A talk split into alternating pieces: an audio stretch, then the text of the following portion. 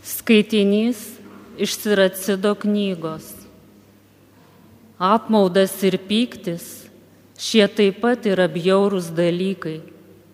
Tik nusidėjėlis laiko juos apsiglėbęs, kurie keršyje patirs viešpaties kerštą, nes jis atsimena tiksliai jų nuodėmės. Atleisk savo artimui už padarytą skriaudą Tuomet, kai melsies, nuodėmės bus tau atleistos. Argi galėtų žmogus puoselėti pyktį ant artimo ir laukti iš viešpatės išgydymo? Argi atsisakytų žmogus atleisti į save panašiam, tačiau ieškotų savo nuodėmio atleidimo? Jei žmogus, būdamas tik trapus, puoselės pykti, kas atleis jam nuodėmės. Atsimink savo paskutinės dienas, atmesk nesantaiką, atsimink mirtį bei supuvimą ir būk ištikimas jo įsakymams. Atsimink įsakymus ir neširsk ant artimo. Atsimink aukščiausiojo sandorą ir atleisk kaltę Tai Dievo žodis.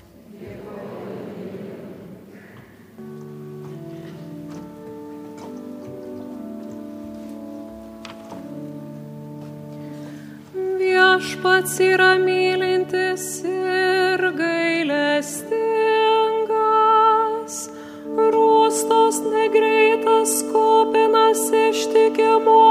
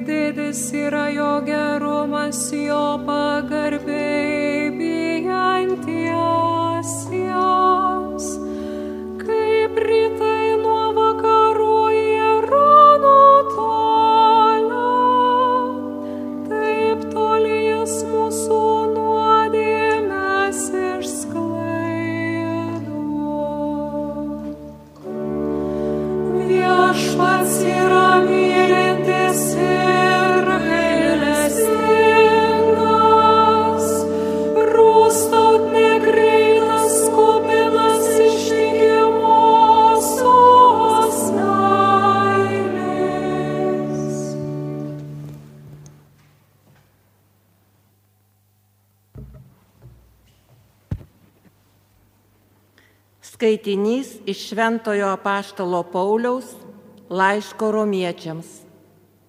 Broliai ir seserys, ne vienas iš mūsų negyvena savo, ne vienas savo nemiršta.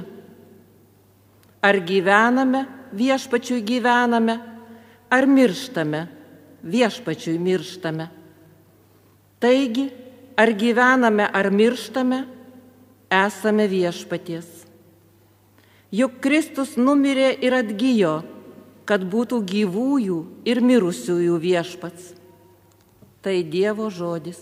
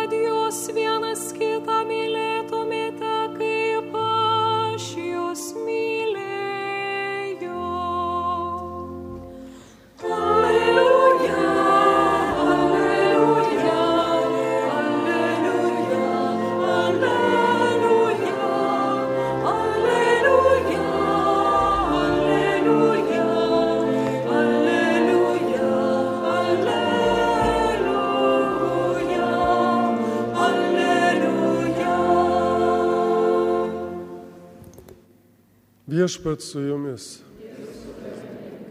Pasiklausykite Šventojios Evangelijos pagal Matą.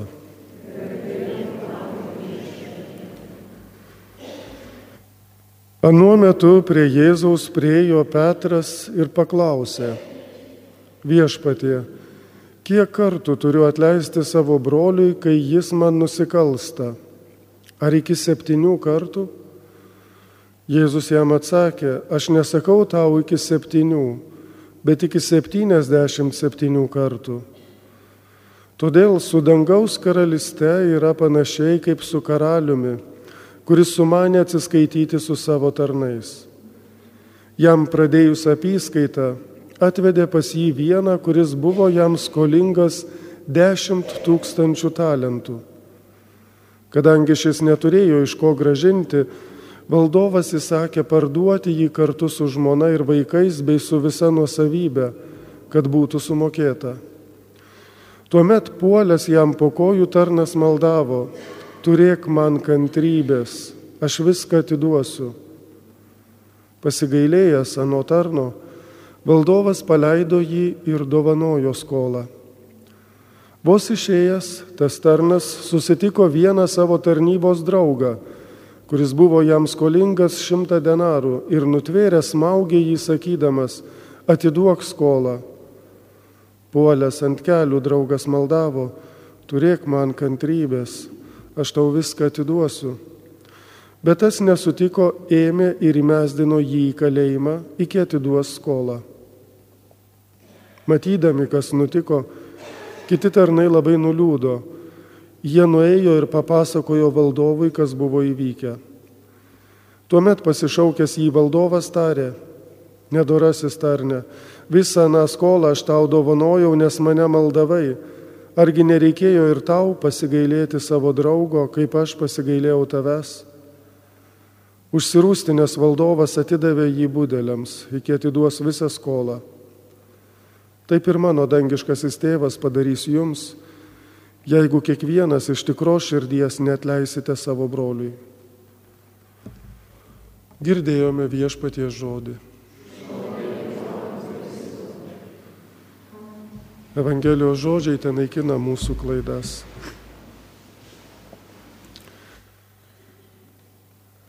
Švenčiame kryžiaus išaukštinimo atlaidus ir aišku, kad pagrindinis dėmesys mūsų krypsta šiandien į kryžių.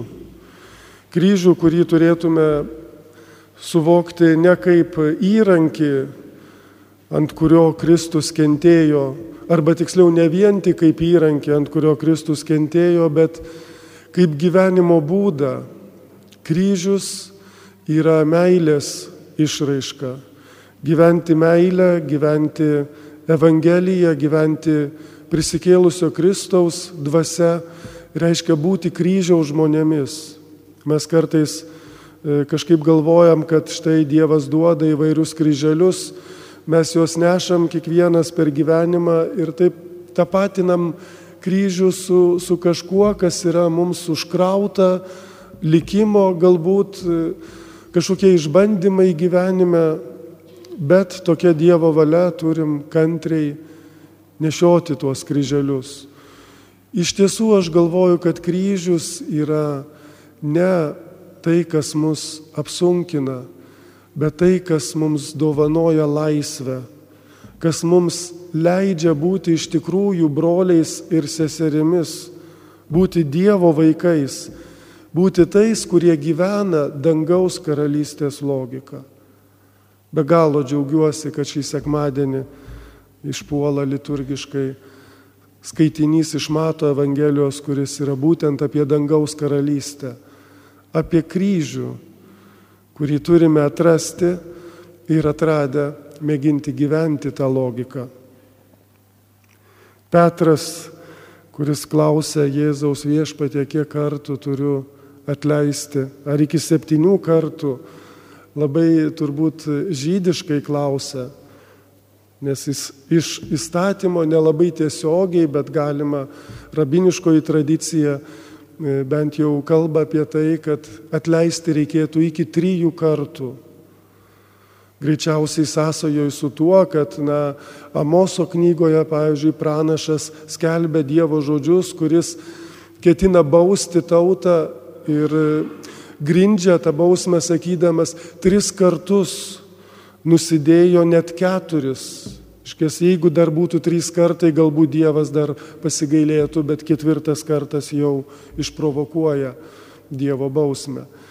Tai remiantis tuo tekstu, rabinai kalba apie tai, kad iki trijų kartų reikėtų atleisti kiekvienam, kas nusikalsta.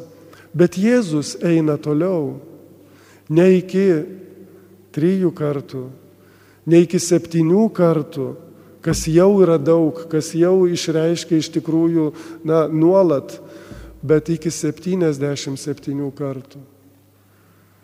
Reiškia, be atleidimo iš vis neįmanoma patirti dangaus karalystės patirties, slėpinio, kryžiaus slėpinio išgyventi.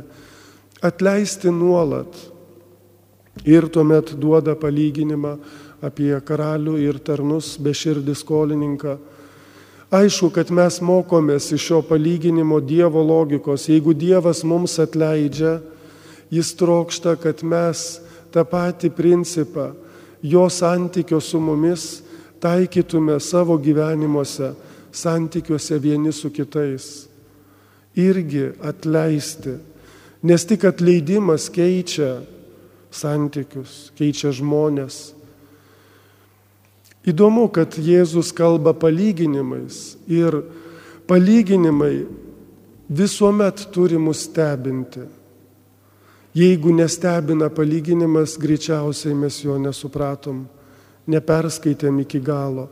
Palyginimai turi taip pat provokuoti, kryžius turi provokuoti kažkam, kas viršyje žemės karalystę. Provokuoti dangaus karalystėj. Dangaus karalystė yra tai, kas viršyje žemės karalystę, net jeigu tai yra tobula karalystė. Teisingos visuomenės, e, kažkokio sugyvenimo karalystė. Jau mes turim ką veikti su ta žemiška karalystė.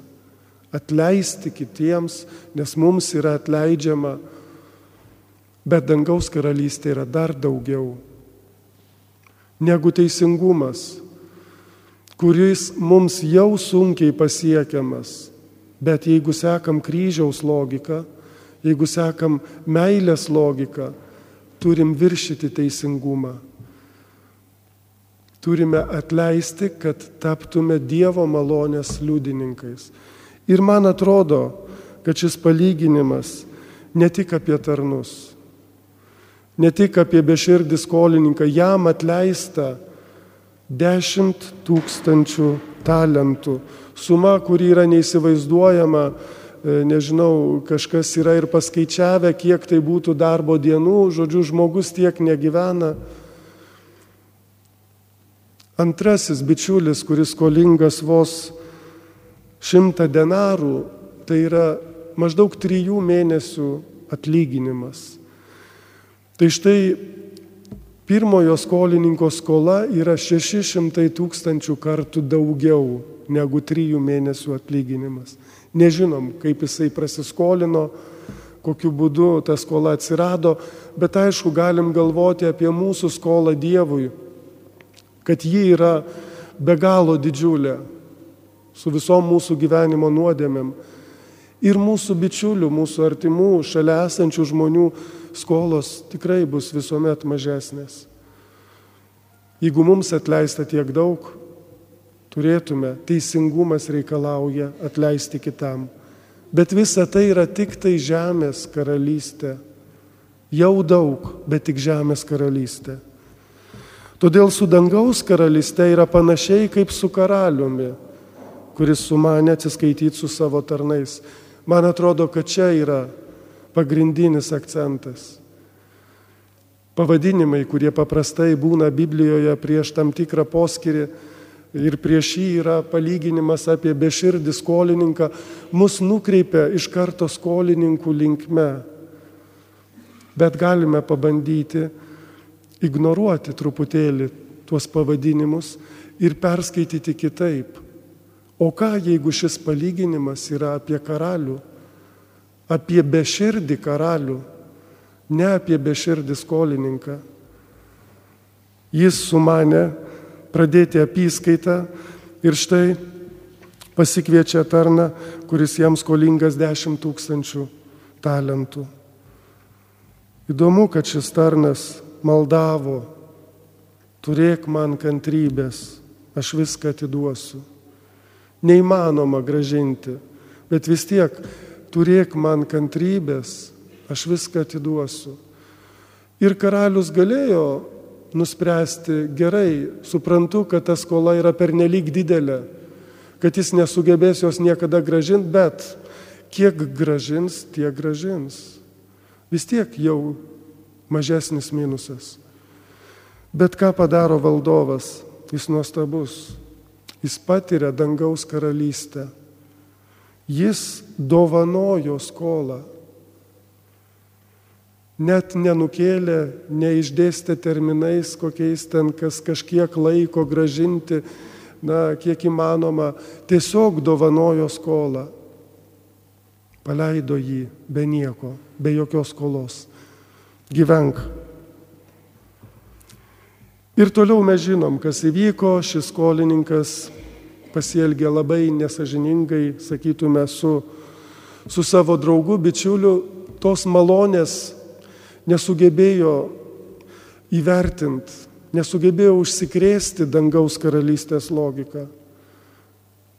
Liko tiesiog teisingas žmogus ir dėl to nėra blogas, juk jis reikalauja skolos labai teisėtai ir net nelabai didelės, iš esmės įmanoma ją gražinti. Ir štai pasakojimas vėl pasisuka kita linkme. Karalius išsikviečia tą tarną ir pradeda jį mokyti. Argi neturėjai tu padaryti taip, kaip aš padariau? Taip ir mano dangiškasis tėvas padarys jums, jeigu kiekvienas iš tikros širdies neatleisite savo broliui. Karalius neatleido, karalius nedovanojo skolos, nes jeigu jis grįžo prie jos vėl, reiškia skola buvo atnaujinta. Ir Dievas niekada taip nepasielgs. Tai, ką Dievas dovanojo, yra užmiršta.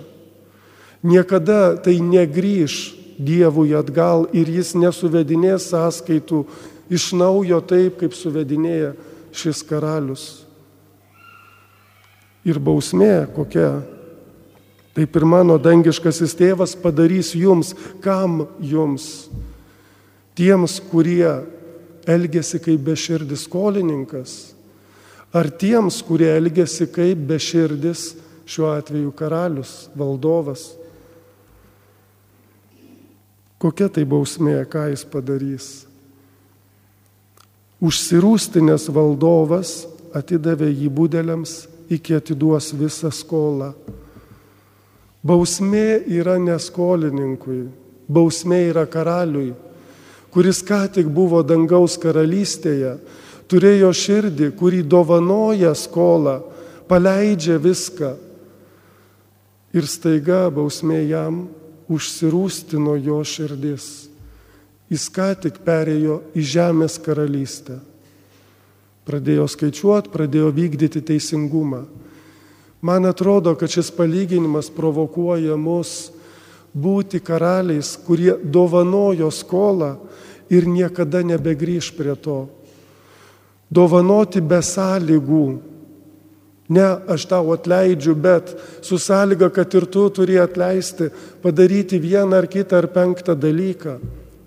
Ypač santykiuose tarp žmonių, kaip dažnai grįžtame prie senų nuodėmių, nusikaltimų. Taip, susipykom, susitaikėm, praėjo kažkiek metų, kažkokia situacija išprovokavo naują konfliktą ir čia pat grįžta visos prieš tai buvusios situacijos, kuriuose kažkas mums prasikalto. Puikiausiai atmintis suveikia. Tu tada ir tada ir tada ir tavo šeima visa ir tavo giminė, čia per giminė, žodžiu, daugybę kaltinimų. Ir daugybę, aišku, teisingumo, kažkokių ieškojimų. O su dangaus karalystė yra va taip, kai tu paleidi, dovanoji ir tu esi laisvas. Laisvas nuo to įsiskolinimo. Taip, karalius turbūt yra be galo turtingas, gal jam nereikia galvoti, bet čia net ne apie pinigus. Čia apie tai, kad mes galim tiesiog pradėti gyventi labai teisingą gyvenimą, bet praleisti pro akis tai, kas yra kryžius. Praleisti pro akis tai, kas yra dangaus karalystė. Turėti tokią širdį kaip Dievo širdis. Dovanoti ir prie to nebegrįžti. Reiškia nebegyventi tuo, o kiek daug jėgų ir pastangų atima tas teisingumo vykdymas. Sakysit, tai ką dabar visiems atleiskim, žodžiu, iš vis, tegul kiekvienas daro, ką nori, Jeigu norite dangaus karalystės, taip. Įdomu, kad ta patirtis nėra nuolatinė. Karalius buvo toj patirti, bet prarado ją, užsirūstino jo širdis. Tai reiškia, kad ir mes užčiuopę dangaus karalystę dar nebūtinai ją išlaikysime iki gyvenimo pabaigos. Reikia nuolat jos siekti, nuolat įsižiūrėti į kryžių nuolat atleisti. Amen.